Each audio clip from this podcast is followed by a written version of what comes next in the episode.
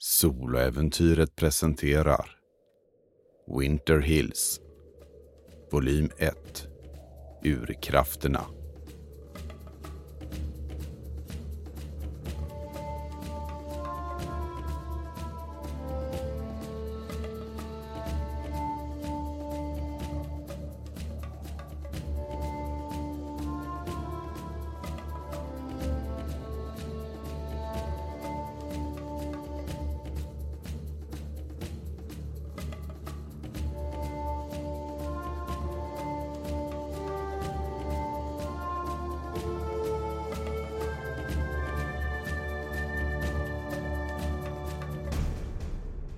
Säsong 1 Avsnitt 25 Nothing and Nowhere Första delen Ett fartyg har passerat längs med kusten utanför den okända trakten. Den har rest långt. Den kommer ifrån New York och letar efter en plats att skapa sig ett nytt hem. Den har glidit längs med kusten för att se om det finns någon plats som ser mer lovande ut att ro i land på och börja utforska. Fem familjer är det som söker efter ett nytt hem.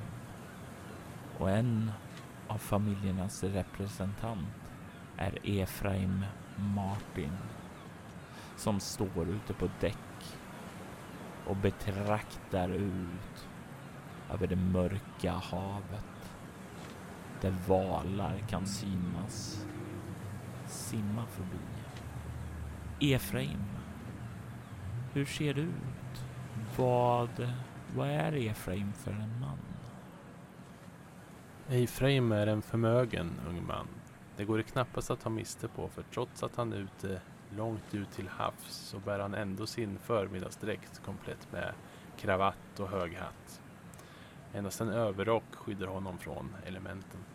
Han ser med andra ord något malplacerad ut i sammanhanget.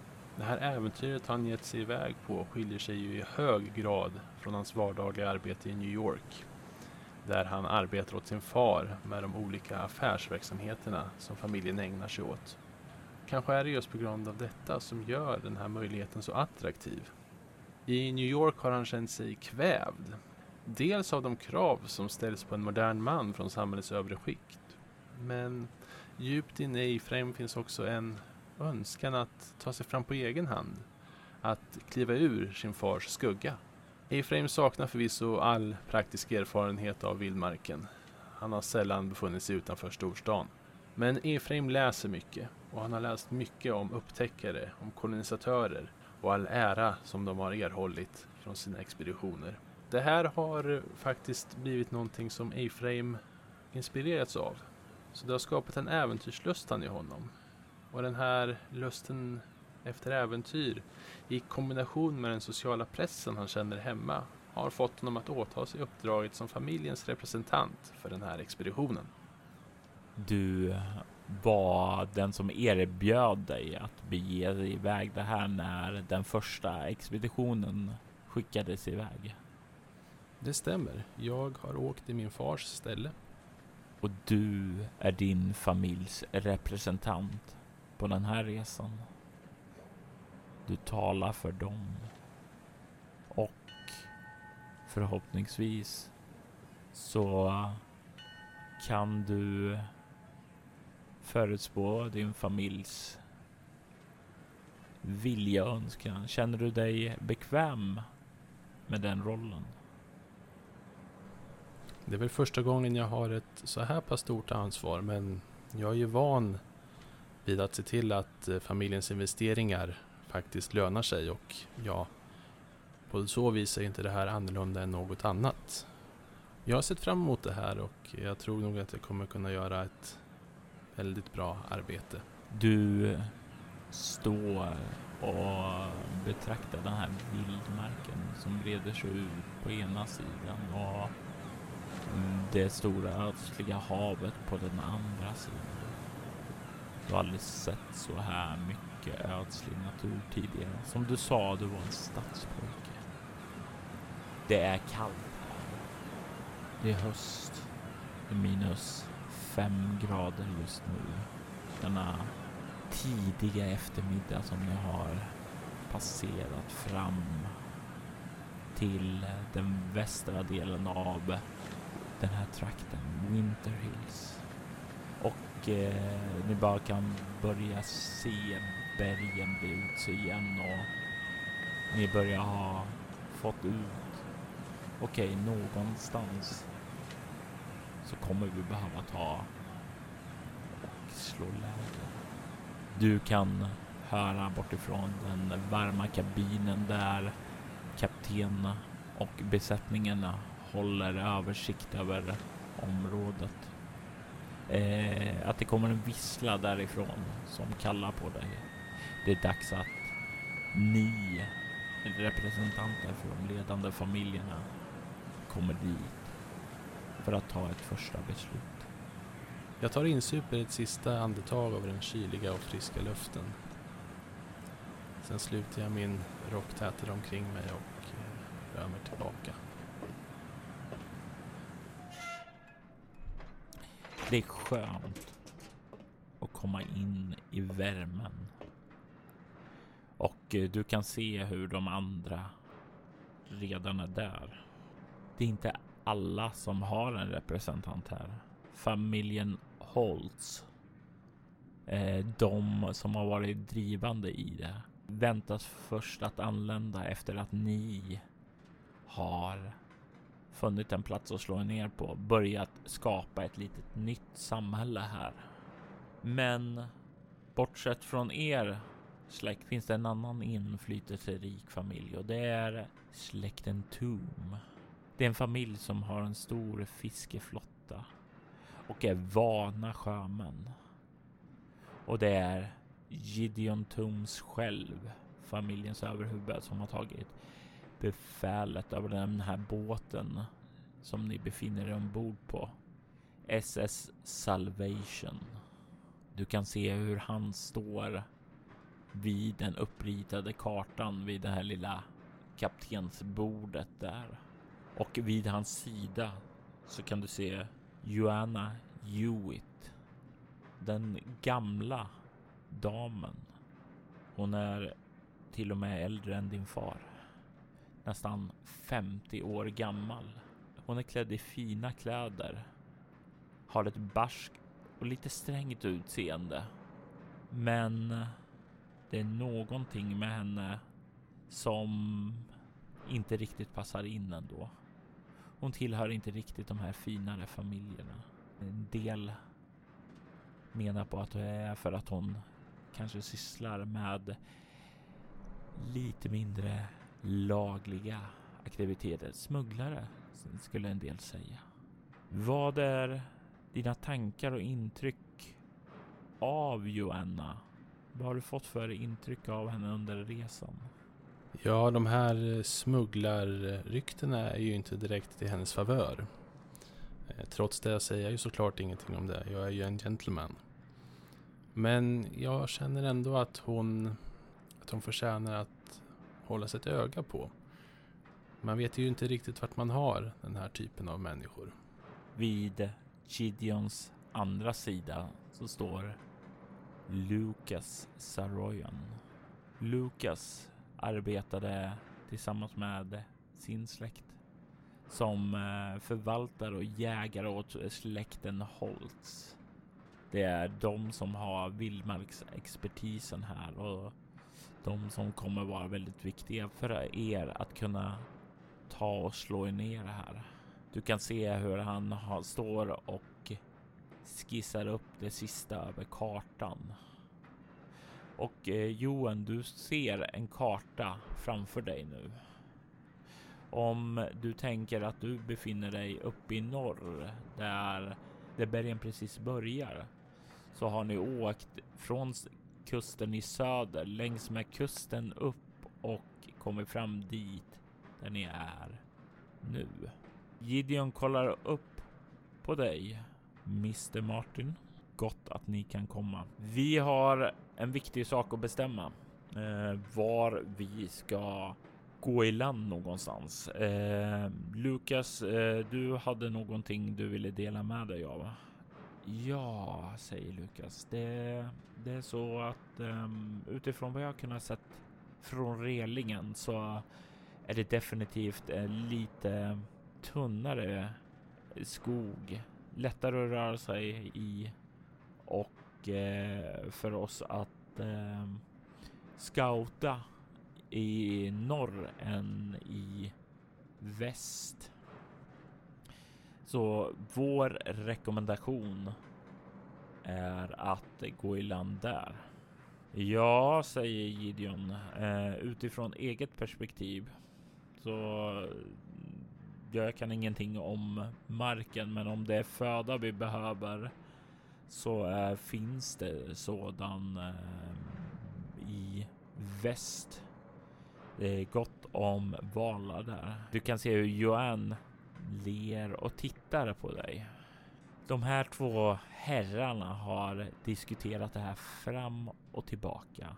Eh, så säg mig, vad tycker Mr Martin att vi bör gå i land någonstans? Mina herrar, min dam.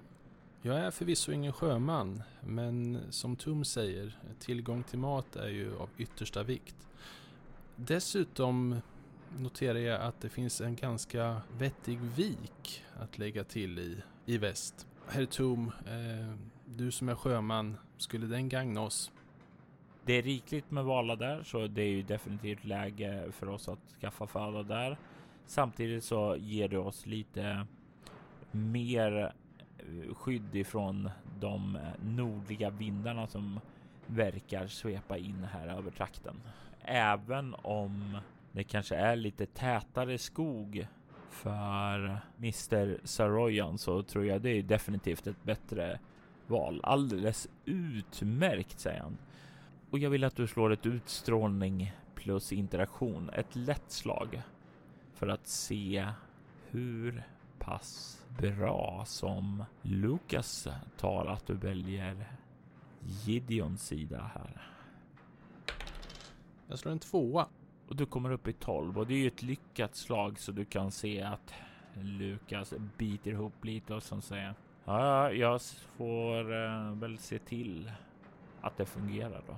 Utmärkt mina herrar, eh, om dam, säger Gideon. Jag lägger om skeppets kurs och styr tillbaka dit. Vi borde komma fram dit mot morgondagen. Strålande. Du kan se hur Lukas nickar. Eh, jag går och gör i ordning mina män så att vi är redo när vi väl kommer fram och du kan se hur Gideon nickar åt honom och börjar gå därifrån. Gideon klappar dig lite lätt på axeln och säger Ja, det är bra. Det är bra. Din uh, far gjorde helt rätt i att sända dig. Det är helt klart ruter i dig. Ja, stort tack. Jag har fullt förtroende för en sjöman som du att se till att det här skeppet klarar den här resan. Du kan se hur han nickar och sen så ursäktar han sig och går bort mot eh, bryggan då för att lägga om kursen. Och du blir ensam kvar med Joanna Hewitt. Du kan se hon lägger lite huvudet på sned och kollar på dig. Vad eh, anser frun om det beslutade åtagandet? Det här är definitivt inte mitt område. Jag litar på att ni karar vet vad ni gör. Och jag hoppas verkligen inte att det kommer bita oss i rumpan sen.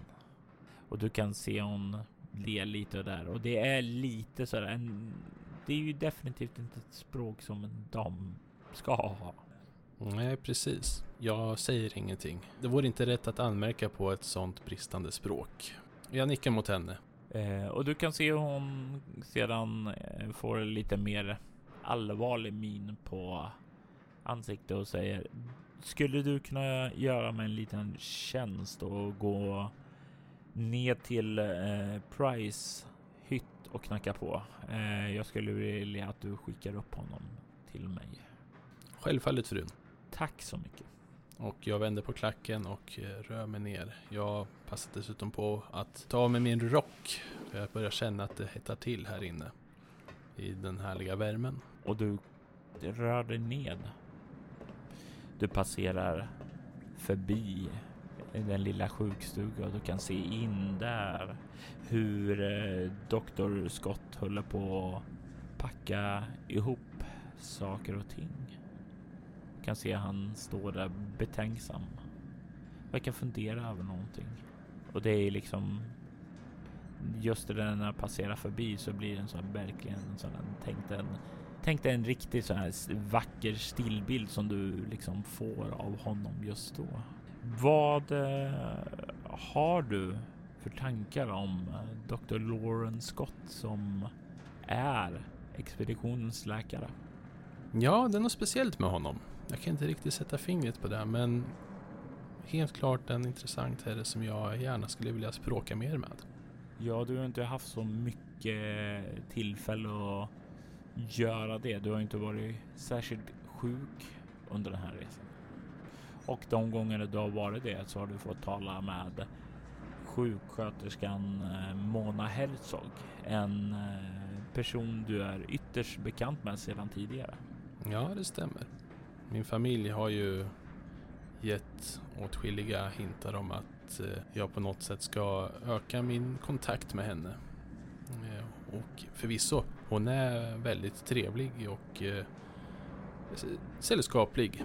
Men eh, Ja, det är kanske inte rätt kvinna för mig. Jag överväger att stanna kvar och eh, hitta på en anledning att börja prata med den gode doktorn men, men så går jag vidare. Jag eh, får göra det vid ett senare tillfälle.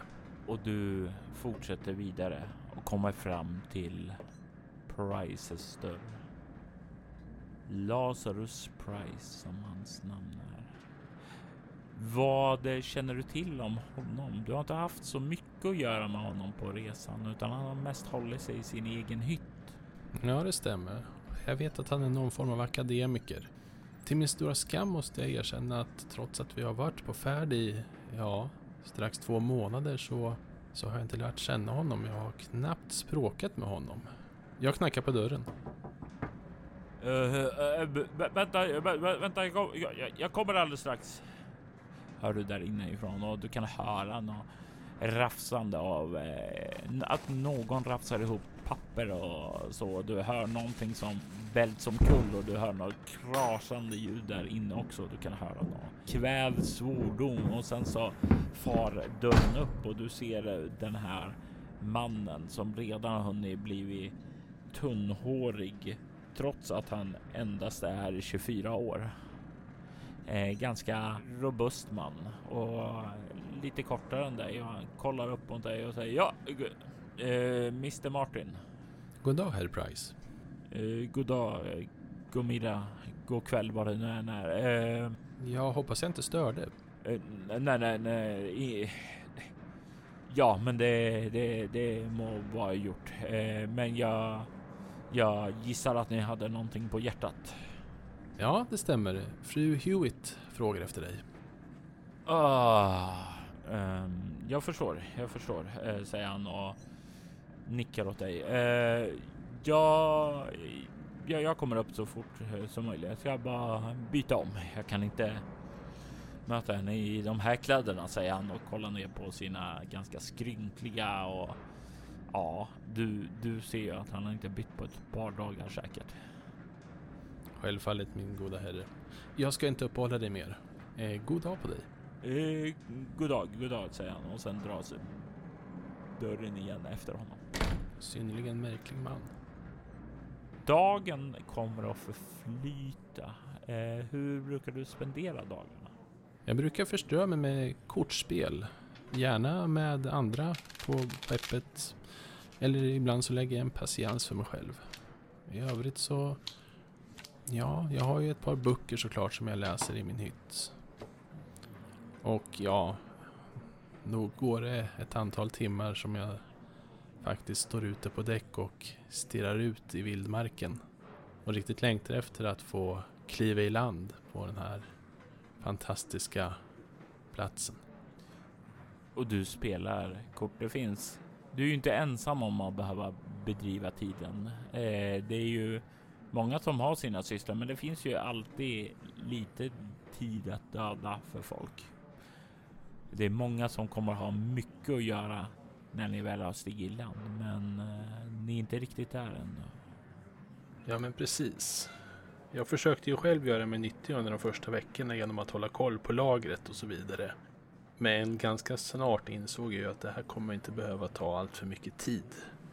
Kvällen kommer och på grund av en mycket aktiv valflock som har rört sig fram här genom trakterna så har ni varit tvungna att slå av på tempot. Och det har gjort att ni har blivit sena så alltså, ni kommer inte riktigt fram till kvällen utan ni får ankra en bit norr om den tilltänkta bukten. Nattens mörker sänker sig över skeppet. Har du några särskilda nattrutiner, Efraim? Ja, det har jag. Jag brukar se till att förströ mig med lite läsning och sen så brukar jag ju ta ett glas av det lite starkare. Just ikväll känner jag att det skulle vara trevligt att dela på en flaska med någon i besättningen. Kanske kaptenen, Gideon Zoom. Du kliver upp till kabinen där kaptenen står bakom ratten och eh, gör de sista kontrollerna över skeppet och han vänder sig om när du kommer in eh, och gör dig en nikt. Mr Martin? Kapten, skulle det passa med en liten... Och jag håller fram en flaska av en lite finare rom. Åh, det där ser ju alldeles, alldeles utmärkt ut. Ja, men det skulle det absolut. Det säger han och säkrar, eh, säkrar ratten och kliver fram emot dig. Eh, tack så mycket. Jag häller upp eh, varsin i de två glasen jag har tagit med mig. Och han tar emot den och gör en liten gest som skål. Skål kapten Toob. Och han tar en lätt klunk. Det här är en man som vet hur han ska dricka och du ser ju att han gör det. Det är inte eh, gapa och svälj metoden direkt utan det är... Nej precis, det känns som att det finns en hel del med lite klass på det här fartyget. Vilket gör mig glad såklart. Viktor sa att eh, ni erbjöd er själv att eh, hoppa på den här resan. Får man fråga varför? Självfallet.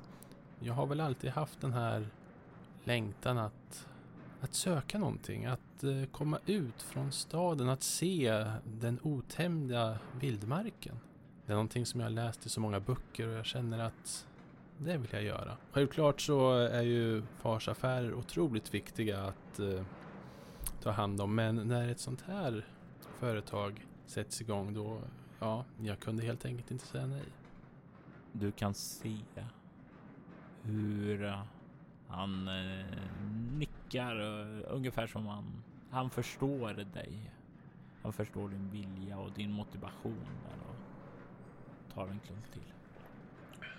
Och det känns som att det jag säger det är ju såklart sant. Men jag kan ju såklart inte nämna den här pressen jag känt i New York när jag har jobbat under min far. Den här pressen som fått mig att, eh, att må både fysiskt och psykiskt dåligt.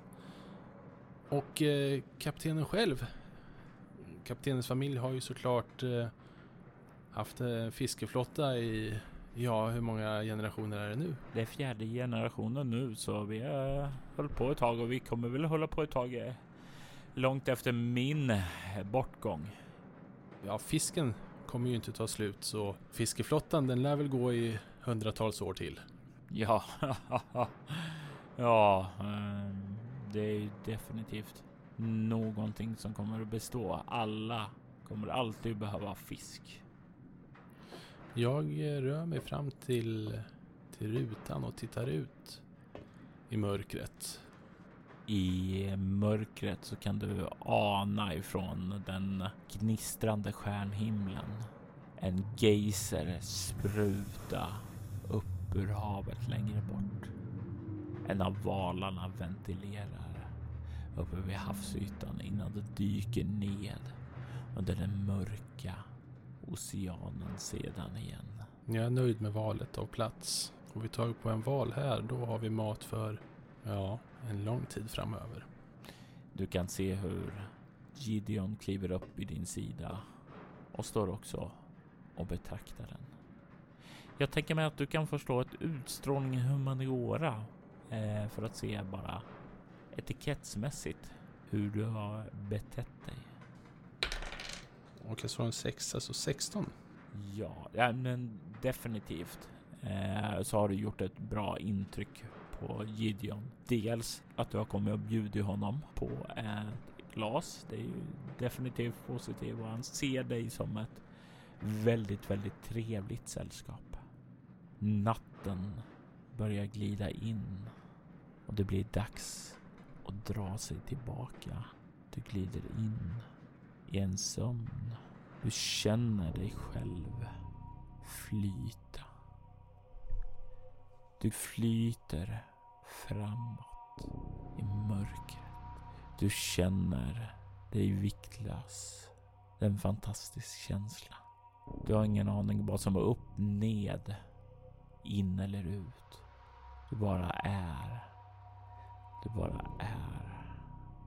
Du bara.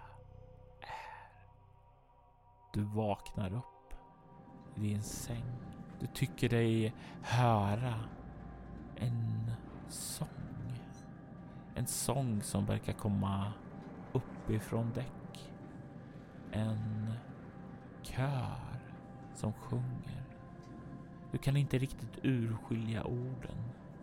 Men det är något som lockar på dig och du känner en vilja att börja röra dig uppåt. Du kan trycka tillbaka den och stanna där du är. Men det kommer då kosta en bestående förlust i utstrålning. Nej men nog vill jag upp och undersöka det här ljudet men jag är inte klädd. Jag måste nog klä på mig först. Man kan ju inte gå omkring i bara underkläderna. Då vill jag att du spenderar en bestående förlust i utstrålning för att ta dig samman och klä på dig så som det är propert. Ja, jag eh, klär på mig morgondressen och i min högra hand plockar jag upp min hatt och min vänstra min promenadkäpp. Sen börjar jag röra mig längs korridorerna uppåt. Du kommer uppåt. Vad har du i obemärkt? Noll. Du kommer upp. Ser några stjärnor gnistrar uppe på himlen.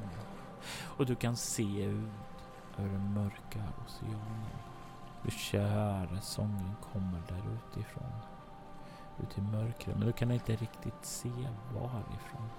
Jag går fram till relingen och nästan sträcker mig ut och försöker spana. Och du kan förslå ett skräckslag med kropp då du gör det. Omskakande slag. Sex. Du drabbas av en chock då någonting rör vid dig och det är så att hela kroppen rycker till. Eh, och du får spendera en bestående förlust i antingen utstrålning för att trycka tillbaka den här, ja med järnvilja lugna ner dig eller kropp för att snabbt reagera och greppa tag i relingen. Eller så kan du strunta i det och fara över redningen när du rycker till. Det känns ändå som att eh, jag tar den här på kropp faktiskt. Det är nog min reaktion att dra mig bort snabbast möjligt. Du, du hamnar inte på noll då eller? Nej, jag har en kvar. Eh, du, när du står där och böjer dig framåt känner du en hand läggas på din axel och du rycker till där och tar dig undan och du kan se på däcket där hur Mona står där. Hon har en enkel klänning på sig och så här svept sin rock över den. Och ursäkta, det var inte meningen att skrämma dig. Herre min skapare, fröken Herzog. Ehm, nej, sj- självfallet inte. Ehm, jag bara beundrar den här, den här sången. Hörde du den? Ja, jag hörde också sången. Den, den kommer där utifrån någonstans. Hon vrider sitt huvud bort däremot där du kollar. Ni båda kan se hur någonting börjar komma upp mot ytan där. Någonting stort. Är det en val? Säger jag och sträcker mig fram igen. Hon lutar sig fram vid din sida för att göra detsamma. Och ni båda stirrar bort däremot. Ni kan se en stor, gigantisk, vit val kommer upp ur havet. Du kan se dess röda, glödande du kan se hur det bubblar omkring den här vita valen och de här bubblorna färgar havet rött. Och du ser in i ögonen på den här besten. Och du borde känna en rädsla för den. Är det någonting, någonting med den här blicken som får de här röda glödandet att liksom falna och den dyker sedan ned i mörkret igen. Jag eh, vaknar upp ur den här intensiva blicken och noterar att jag har tagit tag i Mona och fört henne bakom mig så som i skydd. Och du känner hennes andehämtning bakom dig tätt inpå nacken. Den är, hennes andning liksom får det alldeles varmt. Är fröken Herzog okej? Ja, jag är okej. Och hon håller sina händer på dina armar. Tack. Låt oss gå, låt oss gå och värma oss. Hon nickar Jag tar med henne till mässen. och ni kommer ner dit. Och du, du märker ju under färden att hon går väldigt tätt nära dig. Hon känner sig trygg med dig. Trygg efter att du har beskyddat henne. Även om det var någonting som du först märkte efteråt. Ja, precis. Det var något instinktivt över det där. Och jag börjar fundera vad det kan ha varit. Det rationella säger ju såklart att det måste varit någon form av albinoval. Och, men, men det kändes absolut inte rationellt när jag såg den här valen. Jag grubblar på mina egna tankar på väg till mässen och eh, försvinner in i dem en aning. Ni kommer fram till mässen. Det känns betydligt varmare här inne än där ute. Och du kan se hur hon går bort och sätter sig vid en av borden. Jag går in i köket och letar efter en flaska av något eh, starkt. Det lär behövas för att lugna nerverna. På oss båda. Och du häller upp ett glas till er båda. Sätter dig ned vid henne. Fröken Herzog ska inte oroa sig. Det var bara en albinoval. Jag tänker här att du får slå ett utstrålning interaktion. Ett lätt slag. Nej, tio slog jag. Jag försöker le betryggande när jag säger så. Du kan få plus ett på slaget då när du säger sådana här saker. Du kan se hon nickar. Hon verkar köpa det. Och du ser hur hon tar glaset. Hennes darriga hand tar och för upp det mot munnen och sen så sveper hon det. Och kan se att hennes hand börjar stilla sig någonting. Jag gör som henne och eh, sveper mitt glas. Och eh, sen så riktar jag flaskan mot henne som en fråga, vill du ha mer? Hon nickar. Och jag häller upp ännu ett glas åt oss vardera. Glas sveps, dricks, intas. Det, det lugnar nerverna. Börjar kännas bättre, mer avslappnat. Härligt Mjukt, skönt, avkopplande, mörker. Jag vill att du slår ett chockartat skräckslag med utstrålning då du vaknar upp i din hytt, i din säng med Mona bredvid dig. Oj. Jag lyckades få nio. Du får en skräcknivå då du vaknar upp i sängen. Den första tanken, vad var det där för konstig dröm? Men sen så ser du den här flaskan som du tog i mässen ligger på nattduksbordet och under täcket i din säng hur Mona ligger där bredvid dig sovandes. Utanför kan du ana ljus. Du känner att båten har börjat röra på sig igen. Ja, jag blir ju såklart väldigt chockad över hela situationen. Många tankar rusar i huvudet samtidigt. Har, har, har, har, vi, har vi haft samlag?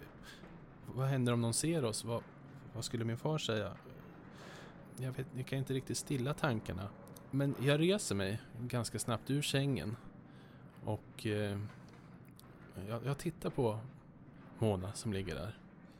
Du kan se hennes vackra, nakna kropp. När du drar ur sängen och täcket blottar lite av henne. Jag tittar ner på mig själv, jag är också naken. Ja. Milda makter.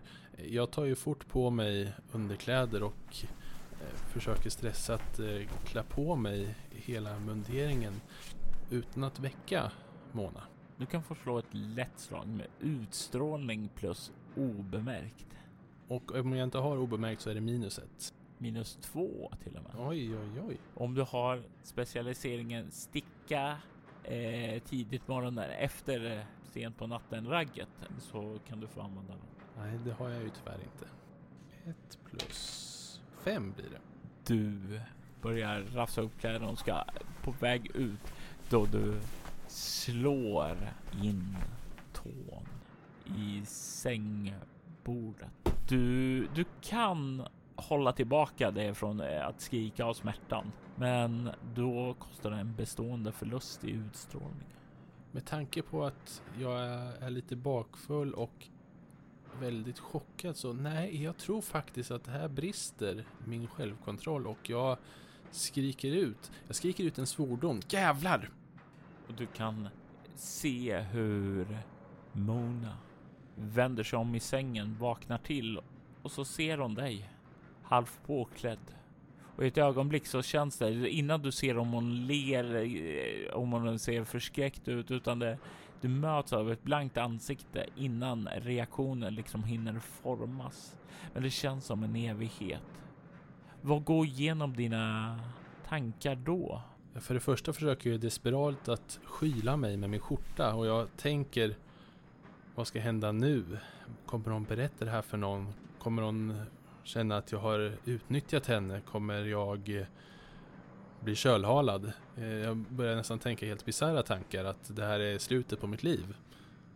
Det är mycket hemskt som pågår i mitt huvud just nu. Du ser hennes läppar spricka upp i ett stort leende. Och hon kollar på dig med en glad blick. Ehm, eh, Fröken Herzog, jag tror minsann att någon har hamnat i fel hytt. Eller precis rätt hytt. Det var en fantastisk natt Efraim. Tack för att du fanns där och tack för ditt umma handlag. Jag tror när hon säger den här sista meningen att mitt ansikte blir ännu vitare än vad det var innan. Eh, och hon kollar på dig, ler och verkar ändå se att du är lite nervös. Gå du så ses vi senare. Eh, alltid till frökens tjänst säger jag och eh, börjar treva ut samtidigt som jag drar på mig mina byxor. Och du kommer ut där. Och där du står utanför dörren med byxorna i handen på väg för att fippla på dig dem så kan du se längre bort i hallen att eh, Dr. Scott står där. Betraktar dig i ditt utblottade tillstånd och säger ehm, God morgon. Mitt ansikte går i detta nu från kritvitt till helrött. Doktor Scott, eh, ursäkta för att jag, jag ser, ser, ser, ut som jag gör, men... Eh, eh, Ja, ja, det är ingen fara, ingen fara. Eh, har du sett eh, min sjuksköterska? Nej, det, det, det, har jag inte gjort, tyvärr. Du kan få slå ett utstrålning interaktion. 11. Du kan se att han eh, nickar bara åt dig så han köper det rakt av. Ja, jag hoppas inte det. Jag vet ju att några av eh, Saroyans eh, jägare har ju tittat menar på henne, men eh, ja, om de har varit och kladdat på henne, då kommer jag se till att kölhala dem. Det är sanna mitt namn, säger han och sen så kan du se hur han börjar. Eh, han gör en nick åt dig. God dag och sedan börjar gå vidare och leta efter sin sjuksköterska. Ja, jag nickar tillbaks med ett fånigt nervöst flin och fortsätter desperat att klä på mig. Och ja, tankarna slutar ju inte snurra i huvudet direkt. Men efter en stund så, så lugnar jag ner mig och börjar försöka formulera en plan på hur sjutton jag ska ta mig ur den här otroligt prekära situationen. Och du rör dig uppåt. Och när du kommer upp på däck så kan du se viken dit ni ska bre ut sig. Ni är anlänt till platsen. Du kan höra hur kapten ringer i klockan för att kalla till ett möte och du är rätt säker på vad som kommer diskuteras där. Några av er behöver lämna SS Salvations trygghet för att utforska de okända vidderna som eh, ligger framför era fötter. Kommer det här att vara ert nya hem? Eller väntar okända faror på er där? Det kittlar lite i din mage. Dags för äventyr. I detta avsnitt hör du Johan Ström Hellberg som Efraim Martin och Mikaela Helsing som Mona Herzog. Winter Hills är en berättelse skapad och spelad av Robert Jonsson till rollspelet Bortom som ges ut av Mylingspel. Avsnittet klipptes och ljudlades av Jon Ström Hellberg. Winter Hills temamusik skapades av Andreas Lundström från Sweden Rolls och Riddles in the Dark. Ni hittar hans musik på Spotify och Soundcloud. Alla ljudeffekter i detta avsnitt kom från hemsidan Tabletop Audio, bortsett från kören som är hämtad från Freesound och är skapad av användaren Timber.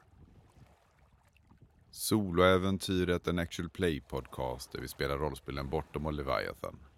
Ni kan komma i kontakt med oss via mail på info.bortom.nu. Det går även att följa oss på Instagram och Twitter som @spelabortom, på Facebook samt på bortom.nu. Känner er även fri att spana in vår spin-off-podd Altors viddar. Där spelar vi det klassiska rollspelet Drakar och Demoner i världen Altor. Ni är välkomna att lämna recensioner om podden på både Facebook och era poddappar. Det uppskattas djupt av oss och kan leda till extra belöningar för er. Vill du stödja Roberts fortsatta kreativa skapande kan du göra det på patreon.com Robert Jonsson. De som backar får tillgång till material i form av extra poddar och statusuppdateringar. Mitt namn är Jörgen Niemi. Tack för att ni har lyssnat. Vi vill ta tillfället i akt att tacka, hylla och hedra våra Patreon-backare. Martin Stackelberg. Mia Gibson.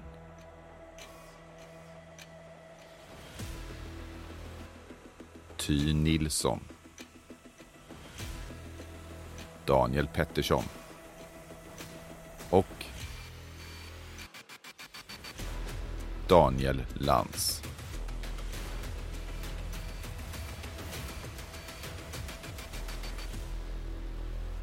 Ert stöd är djupt uppskattat.